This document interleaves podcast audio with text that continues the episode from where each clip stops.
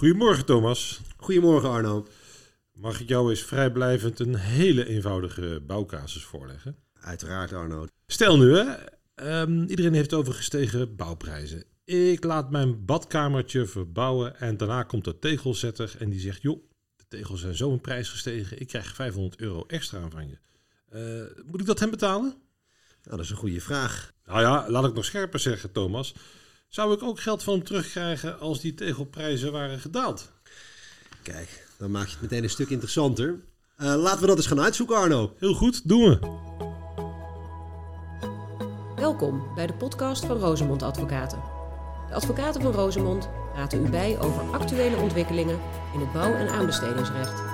Zij doen dit aan de hand van jurisprudentie, regelgeving en praktijkervaring.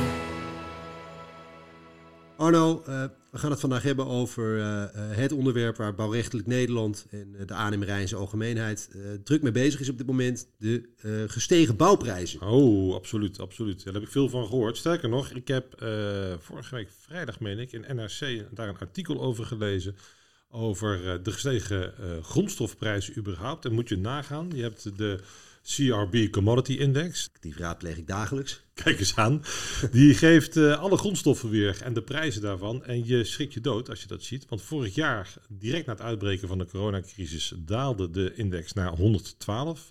Om via een tussenstapje in november naar 155 te gaan. En we staan nu op 212. Ja, daar zie je aan hoe hard het gaat. Ja, dat moet ik wel zeggen. Daar zit ook sojabonen en tarwe in. Uh, dus, dus je zou er even uit moeten filteren, maar als je klikt op staal dan, uh, en kolen en, uh, ja, ja. en ijzer, erts, daar, uh, dan, dan schrik je je dood. Ja, want, want die prijsstijging in de bouw, dat is natuurlijk op zich geen nieuw fenomeen. Hè? Kijk, als ze in China weer ergens een spoorlijn aanleggen van de ene naar de andere kant van het land, dan ja.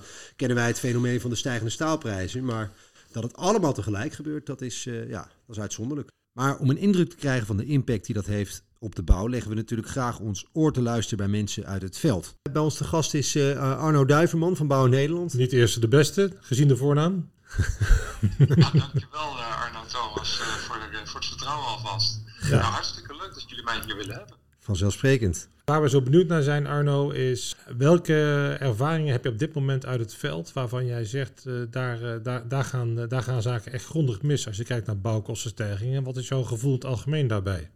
Ja, er is uh, grote mate van onrust uh, ontstaan uh, bij aannemers in de bouw. En dat heeft een oorzaak, prijsstijging. Heel veel bouwmaterialen die wel aangeschaft moeten worden, maar die ofwel niet beschikbaar zijn of mondjesmaat beschikbaar zijn, met een navenante prijs daaraan. Dat terwijl zo'n bouwwerk al lang is aangenomen tegen een bepaald aanneemsom. Uiteraard. En ja. als je dan ziet hoe snel dat soort kostenstijging ingrijpen in de marges die, uh, die daarvoor staan, ja, dan begrijp je de, de ongerustheid wel. Ja, kun jij uiteraard zonder namen te noemen, uh, om wat voor bedragen en wat voor belangen gaat het, uh, spreken we hier? Nou ja, dat verschilt natuurlijk van geval tot geval. Maar bedenk je dan dat de winstmarge op het werk gemiddeld tussen de 1 en de 2 procent ligt. En dat is dan ook nog een gecombineerd percentage voor winst en risico. En heel veel mensen zijn zich daar niet van bewust. Je ziet alleen maar een aannemer die een hoger bedrag rekent. Uh, de prijzen van bouwwerken die stijgen al maar. En die denken dat dat linea recta verdwijnt in de zakken van die aannemer. Maar zo is het dus absoluut niet. En waar ik benieuwd naar was, Arno, uh, welke onderdelen van de bouw hebben hier het meeste last van? Is daar, een, een, een, is daar iets over te zeggen of zie je het eigenlijk overal terug op het moment? Uh, het is op dit moment breed branche aanwezig, dit soort prijsstijgingen. Ja. Uh, het gaat ook om, om, om, zeer veel verschillende soorten bouwmaterialen en grondstoffen. We praten over kunststoffen, staal, ton, hout. Ja. Dus dat heeft betrekking op zowel utiliteitsbouw als woningbouw als de infra. En je hoort ook al die aannemers vanuit die branches daarover klagen. Ja. En de vraag uh, die mij natuurlijk heel vaak wordt gesteld is van ja, hoe moet ik daar nu mee omgaan? Is het nou iets wat voor mijn rekening per definitie komt? Ja. Ja, nou ja, kijk, dat, dat, dat zijn natuurlijk cruciale vragen en die gaan we verderop in deze podcast hopelijk uh, beantwoorden. Uh, iets anders dat, uh, dat mij te binnen schoot, Arno, is het volgende. Ik weet vorig jaar met het uitbreken van de COVID-crisis um, waren er opdrachtgevers, vooral vanuit het Rijk, die handelingskaders en dergelijke gingen afkondigen om de pijn te verdelen, om het zo maar te zeggen. Weet jij of op dit moment dat soort overleggen of initiatieven gaande zijn? En, nou ja, men heeft natuurlijk al eerder inderdaad uh, handelingskaders uitgegeven in dat verband. Waar men al heeft gezegd van ja, wij gaan daar ruimhartig mee om. Echte vervolgoverleggen ken ik niet als het seks gaat om de prijsstijging op dit moment. Um, vooralsnog vanuit dat men in lijn met, uh, met datgene wat men eerder heeft gezegd, daar ook ruimhartig mee zal omspringen en uh, dat men daar niet de bouw de dupe laat worden. Daar hebben we het geloof ik ook wel eens over gehad in de podcast. ja, dat, absoluut. die publicatie van Rijkswaterstaat, waarin ze zeiden we gaan op een redelijke manier om met wat er nu gebeurt. Ja, ja dat was ook natuurlijk een beetje... Normaal, vanuit Rijkswaterstaat ook het overleg wat dat betreft. En, ja. nou, dat, dat juichen wij ook alleen maar toe. Ja. Uh, hoe dat uiteindelijk uitpakt is natuurlijk een tweede. Om daar op een verstandige manier mee om te gaan. En daar vooral ook het overleg uh, in te zoeken met die aannemer. Ja, ja. Heb jij het idee, want jij zit natuurlijk dichter op het vuur dan wij. Hè? Ze bent een advocaat pas als, het echt, als, als, als ze denken, nu moet de breekijzer erin. Heb jij het idee dat er binnenkort ook uh, procedures gestart gaan worden hierover? Of is het zover nog niet naar jouw gevoel? Ik kan het niet uitsluiten. Ik ben er geen uh, groot voorstander voor. Nou, jullie weten als geen ander, de aannemerij is wat dat betreft best terughouden. Ja. Die gaan pas procederen als het niet anders kan. En soms ook wel eens wat te laat, constateer ik. Kijk, eh, moment dat zo'n aannemer natuurlijk het water aan de lippen komt te staan eh, op een bepaald project en projectresultaten dermate op spanning komen te staan door eh, dit soort kostenstijging, dan, dan kan het zijn dat de dergelijke discussie die daarover ontstaat uiteindelijk ter beslissing moet worden voorgelegd aan de rechter of, of aan aannemers. Nee, en over het algemeen waar men wel de neiging kan hebben om te denken... never bite the hand that feeds you... is onze ervaring in ieder geval dat een opdrachtgever het je eigenlijk nooit kwalijk neemt... als jij voor je eigen rechten opkomt. En uh, dat, dat zie je ook vooral bij opdracht, overheidsopdrachtgevers zijn er heel professioneel altijd in.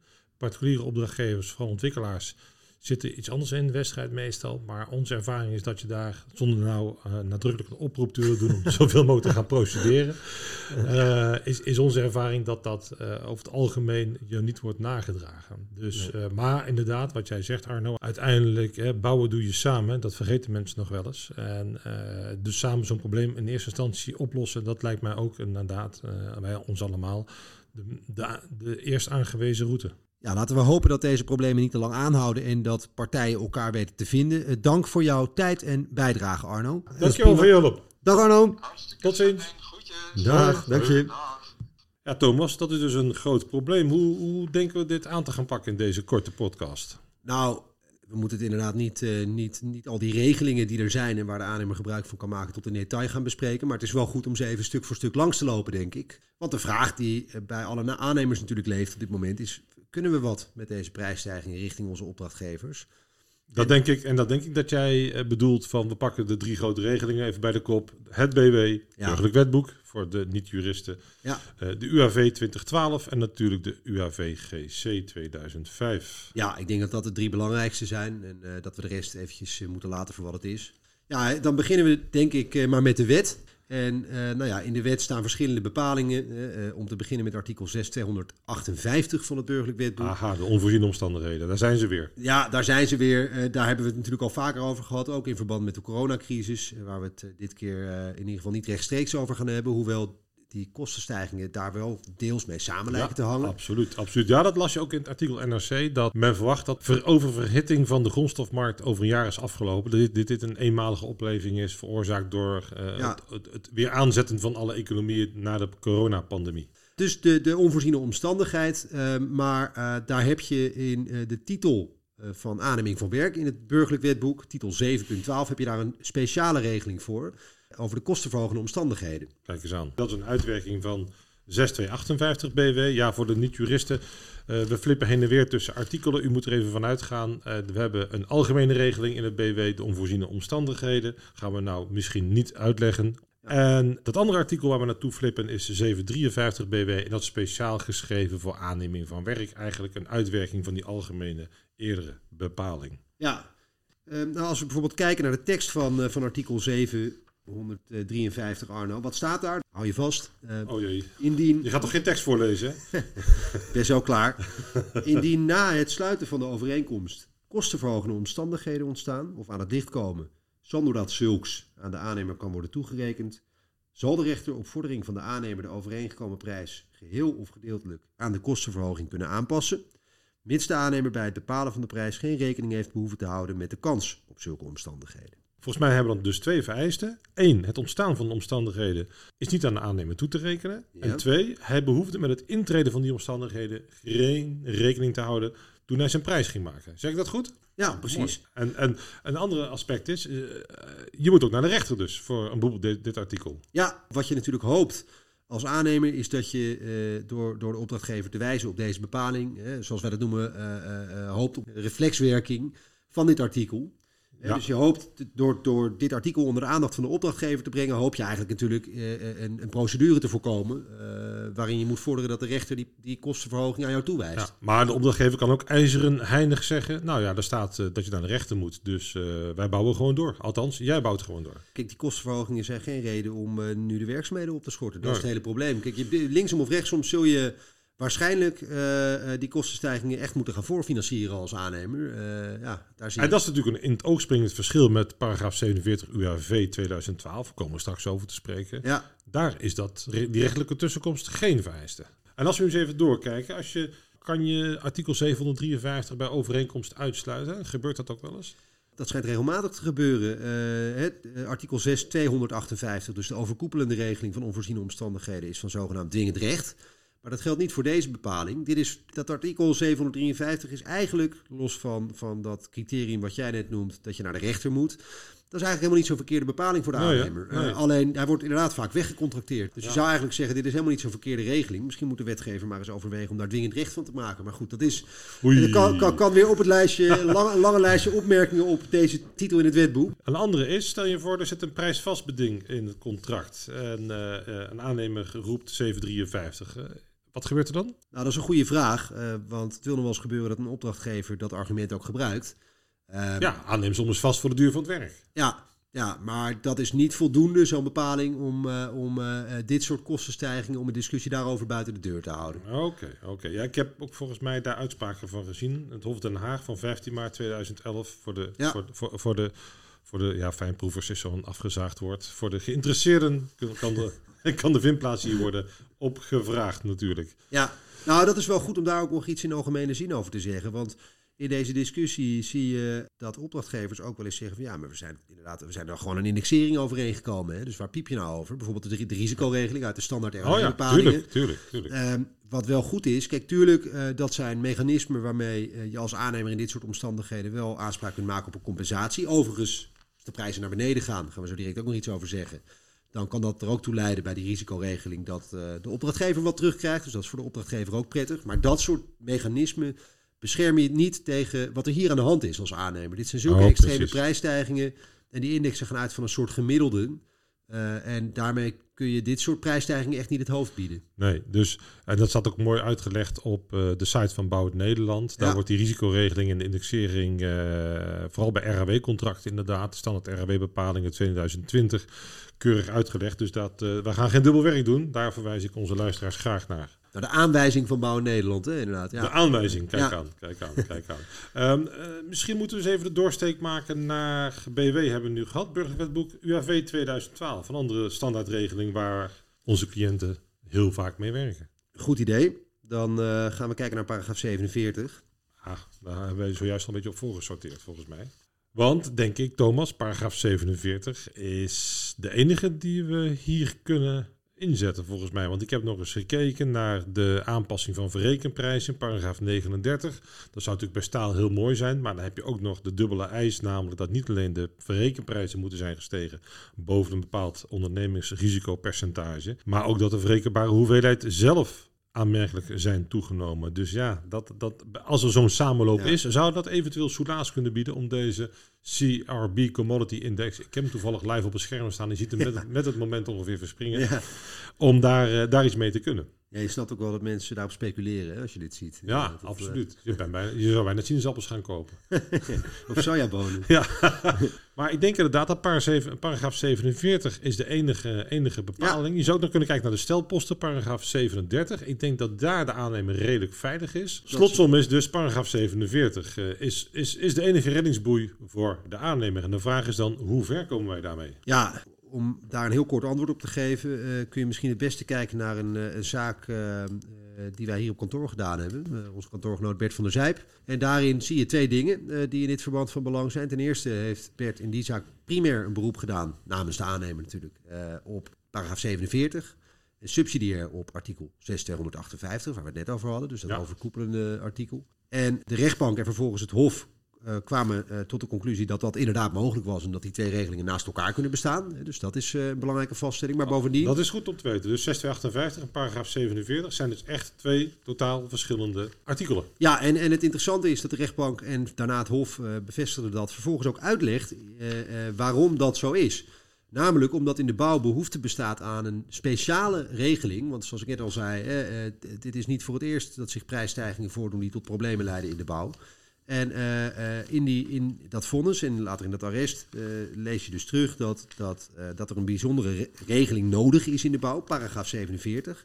En dan lees je ook terug dat een beroep op paragraaf 47 doorgaans wat eerder wordt gehonoreerd ja. dan een beroep op artikel 6258. Juist ook omdat de bouw behoefte heeft aan zo'n speciale regeling. Klopt. En dat is ook de reden geweest, als je die overwegingen terugleest, ja, daar, daar meen ik toch de hand van Bert duidelijk in terug te lezen in die rechtsoverwegingen. Eh, en Bert heeft dat natuurlijk niet voor niks ook zo gebracht. Hè, dus. Om het even specifiek te maken, het is een, een arrest van 31 januari 2012. En het mooie is, dit arrest zegt eigenlijk de veelgehoorde 5% vuistregel van de Raad van Arbitrage. Ja. Daarvan zegt het Hof Den Haag dat is geen harde norm. Nou, de Raad van Arbitrage houdt daar nog steeds wel aan vast. En daarbij zie je maar dat als je maar zo lang, eh, als je maar zo hard en zo lang mogelijk roept, het is 5%, het is 5%, dan gaat op een gegeven moment iedereen daarvan uit. Het Hof Den Haag heeft dat gezegd, nee, dat is geen harde eis, die 5%.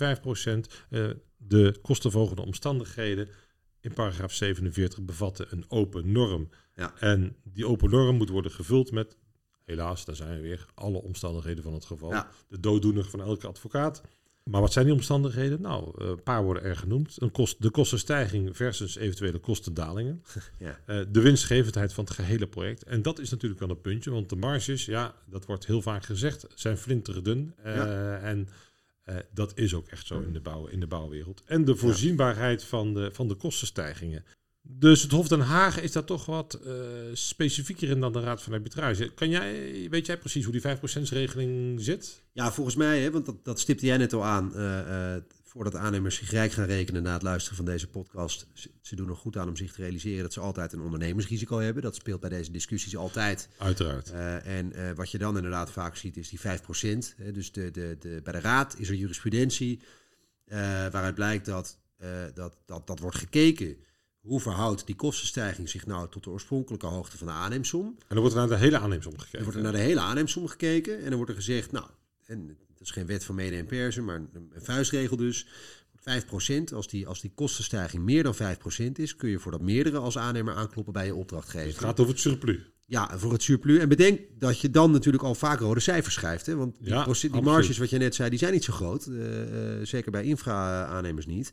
Dus als je in aanmerking komt voor een uh, vergoeding op basis van deze regeling, dan heb je dus waarschijnlijk al een verliesgevend project te pakken. Absoluut. Ja. Absoluut. En uh, die 5% is een beetje een eigen leven gaan leiden. Want uh, die komt voort uit een uitspraak in de oliecrisis.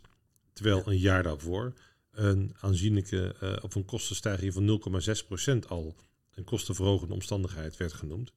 Dus um, dat is geen in beton gegoten wet. Uh, of tenminste, dat is niet een in beton gegoten uitgangspunt. Nee. ik adviseer iedereen ook om uh, in deze tijden van coronacrisis het boek, uh, het preadvies van Van Doné, ja. van heel lang geleden, ik denk 1998, nog eens erbij te pakken. Acts of God in het bouwrecht. Absoluut een aanrader voor dit soort gevallen. Pagina 136, daar gaat keurig uitgelegd hoe die 5%-regeling ooit een eigen leven is gaan leiden. En als we nou kijken naar die, eh, die paragraaf 47 tegenover uh, de algemene regeling in de wet, zitten daar dan verschillen tussen? Ja, dan doe je natuurlijk op 6258, de onvoorziene omstandigheden. En elke rechtenstudent breekt daar zijn hoofd over wanneer hij voor het eerst wordt geconfronteerd met 6258. en ik heb het nog steeds wel. Ja. Uh, onvoorziene omstandigheden betekent niet, je zag het niet aankomen. Nee. Dat is wat je in het spraakgebruik vermoedt. Nee, dat betekent, er is niet in de overeenkomst in voorzien. Je kunt eigenlijk ter mm, vermijding van dit misverstand, zou je veel, kunnen, veel beter kunnen spreken in uh, geval van 6258 over niet verdisconteerde omstandigheden. Het is niet in de overeenkomst zijn die omstandigheden. Het intreden daarvan is daarin niet verdisconteerd. Dat is 6258. Laatst kreeg ik een contract onder ogen, een FIDIC-contract. Uh, en uh, wat je daarin ziet is. Oh jee, Anglo-Saxisch. Alles is, alles is uitgeschreven. Doodeng. En daarin wordt natuurlijk altijd rekening gehouden met allerlei mogelijke menselijke en natuurlijke rampspoed. Waaronder ook een pandemie. Dus dan wordt gewoon gezegd van ja. Daar, En dan is het dus volgens de tekst van 1658 wel in de overeenkomst in voorzien. Ja. ja. En dus heb je geen poten om te staan als wederpartij. Nee, nee dan wordt het lastig. Is, ja. ja. En dat is ook meteen, komt meteen bij het mooie verschil met paragraaf 47 UWV. Want die spreekt over omstandigheden uh, waar niemand rekening mee behoefde te houden dat die zich zouden voordoen. Dat is eigenlijk in het spraakgebruik het begrip onvoorziene omstandigheden. hey, ik zag het niet aankomen en ze doen zich toch voor. Ja. Dat is wanneer, uh, dat is een criterium bij paragraaf 47 en dat is een aanmerkelijk lichtere toets ja. dan 6258. Vandaar dat de Raad van Arbitrage veel uh, eerder van mening is dat paragraaf 47 zeer voordoet dan 6258. Ja. Ik denk dat we hiermee de UAV wel meer of meer te pakken hebben, of niet Thomas? Ja, en dan hebben we ter afsluiting nog de UAVGC, Arno. Wat, uh, wat kunnen we daar nog over zeggen? De UAVGC 2005, toch bedoel je? Ja, ja. Ja, ja die, die, die zijn aan een bumpy road bezig wat herzieningen betreft. Ja. Wat herziening betreft, moet ik zeggen.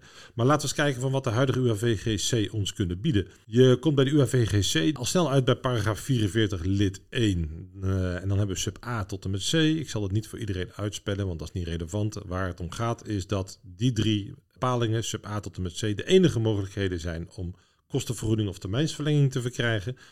En dan hebben we sub A, B en C. En in C staat de onvoorziene omstandigheden. Je kunt er eigenlijk vanuit gaan wanneer het gaat over prijsstijgingen van grondstoffen. Die leiden tot verhoging van de aannemerssom.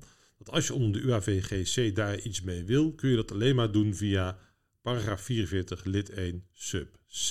En sub C gaat over, daar is die weer, onvoorziene omstandigheden. Ja. Dan rijst de vraag, oh, daar zijn we dus terug bij af, namelijk bij de wet 6258. Nou, daar valt het een en ander over te zeggen. Oké. Okay. Het is wel spannende rechtspraak. Ja, spannend klinkt alsof ik een enorme vakidioot ben. Die uh, de TBR direct uit de, uit de handen van de postbode grist. Maar uh, paragraaf 44 lid 1 sub C van de UIVGC staat dat bij uh, onvoorziene omstandigheden, wanneer die zich voordoen, heeft de opdrachtnemer in dat geval recht op kostenvergoeding of termijnsverlenging. Is er sprake van onvoorziene omstandigheden, dan kun je dus in de vorm van gestegen grondprijzen via die band proberen die uh, kostenstijgingen bij de opdrachtgever neer te leggen. Wanneer we kijken naar de toelichting bij de UIVGC, dan zegt men daar dat deze bepaling naadloos aansluit op die van de wet 6258. Maar, maar, maar, daar is interessante jurisprudentie over ontwikkeld. Nog niet heel veel, maar er is een, uh, op de vingers van twee handen zijn die wel te tellen. En in, daar valt op dat de Raad van Arbitrage 44 lid 1 sub C beschouwt als zelfstandige grondslag naast 6258. Aha. Dat is een interessante. Dat is niet door de minste, want Monica Chow-Duivis zat in het appel scheidsrecht. In dat. Dus dat is één. En ja. daarmee dat doet ook recht aan de gedachte dat sub C het, uh, ja, het afvoerputje eigenlijk is van de schadeclaims van de UAVGC. Want ja. Sub A en sub B zijn duidelijke gevallen. En er wordt ook gezien als uh, primair subsidiair, meer subsidiair in, Ja. de, in de jurisprudentie. Dus sub C is eigenlijk de vergaarbak. Als niks meer kan, dan probeer het via sub C. Dus dat is ook terecht dat dat wordt- wordt gezien als een zelfstandige grondslag. En als je ook kijkt naar jurisprudentie, waar jij volgens mij een van de mede-veroorzakers bent van de jurisprudentie over de sluis in Noord-Holland. Ja, Wanneer je die jurisprudentie doorneemt, dan valt daar een kleine ontwikkeling. Ik zeg nog niet dat dit meteen eh, de eh, rechtspraak gaat worden, maar een kleine ontwikkeling te lezen. Waaruit je kunt afleiden dat men eh, sub C van paragraaf 44 lid 1 breder interpreteert dan de onvoorziene omstandigheden regeling uit de wet. Want wat je ziet in die uitspraken is dat omstandigheden die nooit zouden worden gekwalificeerd onder de onvoorziene omstandigheden op grond van 6258 BW toch onder het bereik van sub C van paragraaf 44 lid 1 worden gebracht. Dus daar lijkt wel iets gaande te zijn. zo zie je maar weer, Arno, dat die toelichting bij de UAVGC eh, ook niet zaligmakend is. Nee, en op zichzelf genomen vind ik het wel goed dat deze brede interpretatie ingang lijkt te gaan vinden.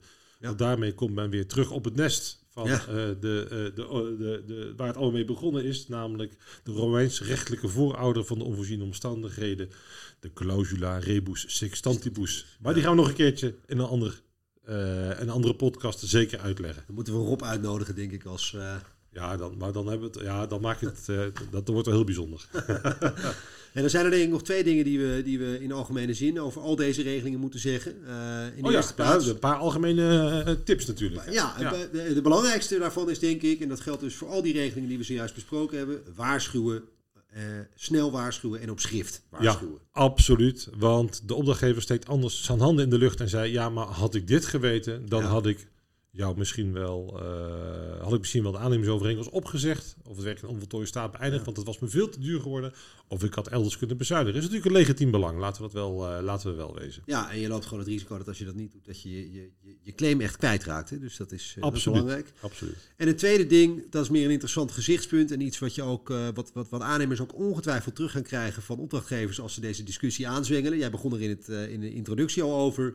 Uh, kostendalingen. Ja, Hoe zit het daarmee? Ja, uh, want, want inderdaad, zo'n tegel, hè, uh, dat voorbeeld wat jij gaf was een mooi voorbeeld.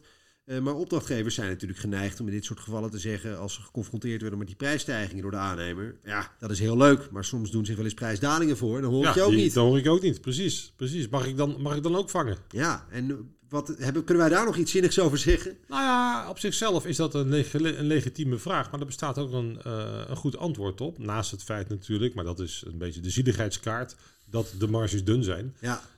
In deze tijd misschien uh, niet zo dun, maar uh, dat zijn ze over het algemeen wel.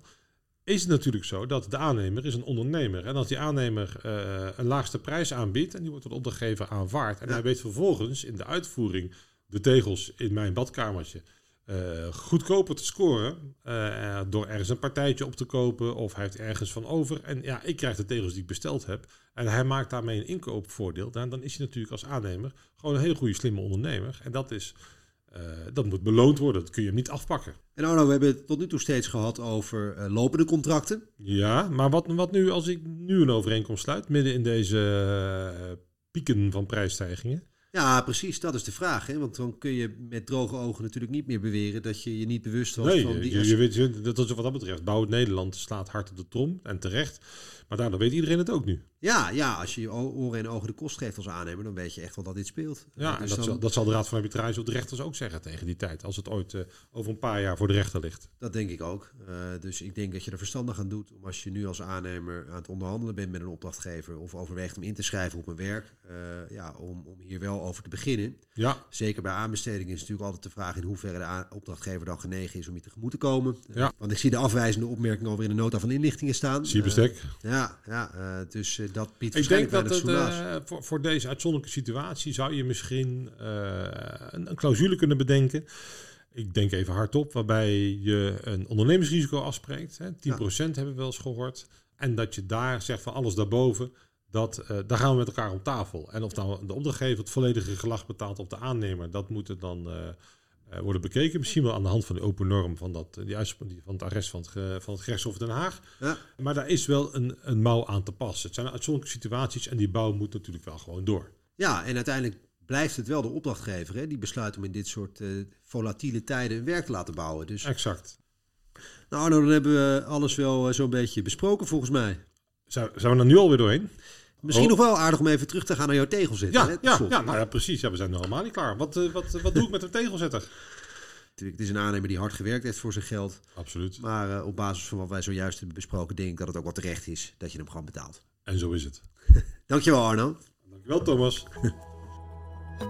Dit was de podcast van Rosemond Advocaten. Leuk dat u luisterde. Heeft u vragen naar aanleiding van de podcast? Mail naar podcast.rosemond.nl of ga naar onze website waar u ook eerdere afleveringen vindt. www.rosemond.nl